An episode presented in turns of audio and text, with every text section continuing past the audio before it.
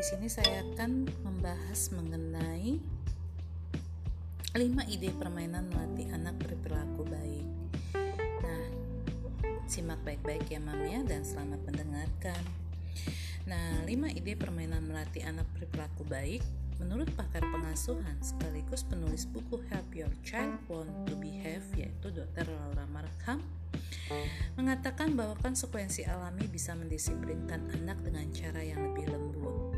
Ketika anak-anak berperilaku tidak baik atau melanggar aturan, misalkan ketika mereka menolak atau membereskan mainan, maka konsekuensi alami yang bisa memberikan adalah membiarkan mereka bermain dalam kondisi kamar yang berantakan karena mam tidak akan bisa membantu membereskan untuk mereka. Nah, dari situ mereka juga bisa mengalami kesulitan menemukan mainannya sebagai konsekuensi tidak membereskan mainannya sendiri. Konsekuensi alami dipercaya dapat membantu anak-anak belajar dari kesalahan dan mengubah sikapnya menjadi lebih baik. Nah, selain tegas pada aturan dan konsekuensi, Anda juga perlu rutin mengedukasi anak-anak tentang disiplin dan berperilaku baik. Keduanya harus berjalan beriringan. Alih-alih dengan mengambil dan berceramah, ada loh cara menyenangkan untuk baik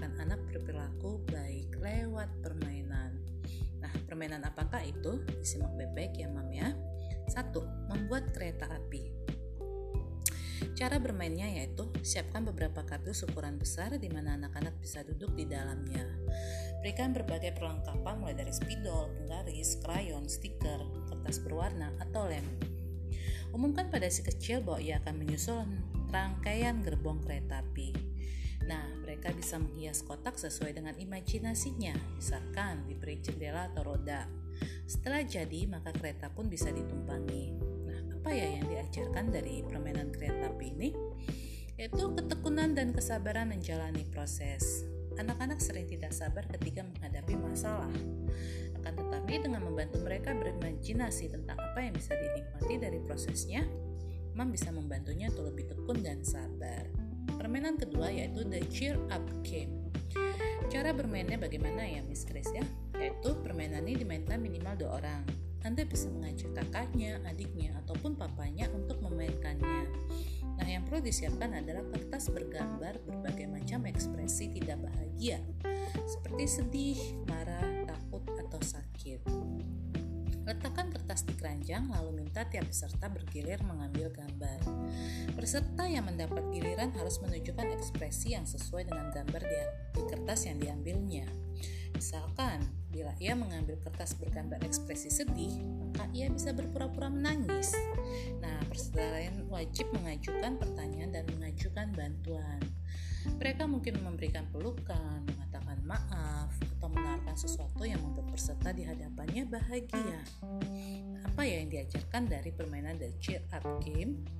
Yaitu empati.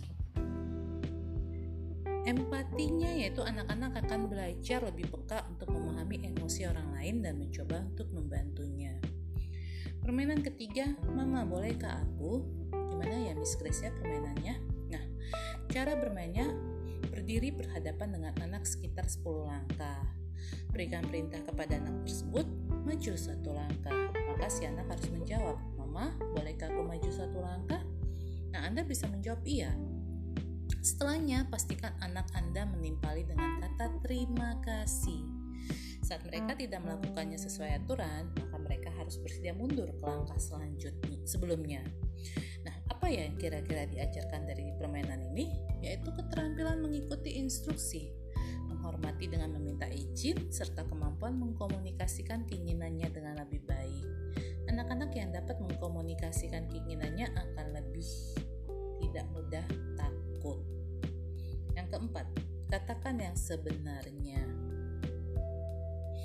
Cara bermainnya yaitu kumpulkan semua anggota keluarga. Semua anggota keluarga harus menjawab pertanyaannya ya. Aku misalkan pertanyaannya seperti ini. Aku takut ketiga hujan deras. Nah, Anda bisa mengalih, mengambil giliran menjawab. Anda bisa katakan, aku takut ketiga adik marah-marah dan memukul. Nah, pancingan ini bisa membuat semua anggota berkata terus terang. Setelah semua mendapat giliran, ganti dengan kata kunci lain seperti sedih, bahagia, atau marah apa ya Miss Grace yang diajarkan dari sini yaitu keterbukaan dan kejujuran ketika Anda memberi anak-anak lampu hijau untuk berbicara tentang perasaan mereka, baik itu positif ataupun negatif, Anda membantu mereka merasa aman untuk mengatakan yang sebenarnya. Nah, permainan yang terakhir adalah sang kapten. Bagaimana ya Miss Chris ya cara bermainnya? Nah, cara bermainnya yaitu katakan kepada anak Anda bahwa Anda adalah kapten yang memimpin dan harus diikuti berputar atau bergeraklah keliling rumah sambil bertepuk tangan dan menyanyi. Pastikan anak Anda mengikuti Anda. Kemudian, Mam bisa berhenti dan berkata, Wah, kamar ini kok sangat berantakan. Sekarang kamu deh yang jadi kaptennya. Mama jadi anggotanya. Kamu pimpin Mama untuk membersihkannya ya sayang ya. Nah, apa yang diajarkan dari sini ya Miss Chris ya? Yaitu kedisiplinan dan tanggung jawab. Anak-anak akan bangga bahwa mereka bisa melakukannya sendiri. Nah, Bunda atau Mam, di sini sampai di sini dulu tips dari saya memberikan 5 ide permainan melatih anak berperilaku baik. Semoga Mam bisa mempraktekannya bersama si kecil atau buah hati Anda di rumah bersama berserta dengan papa mam, berserta dengan papanya ataupun kakaknya dan adik-adiknya juga di rumah. Nah, permainan ini sangat sederhana, mudah diikutin dan menyenangkan bagi anggota keluarga. Sampai di sini dulu, nanti saya akan lanjut lagi di segmen berikutnya. Salam ceria dari saya, salam buat keluarga, buat si kecil, dan semuanya. Terima kasih, Mam. Selamat malam.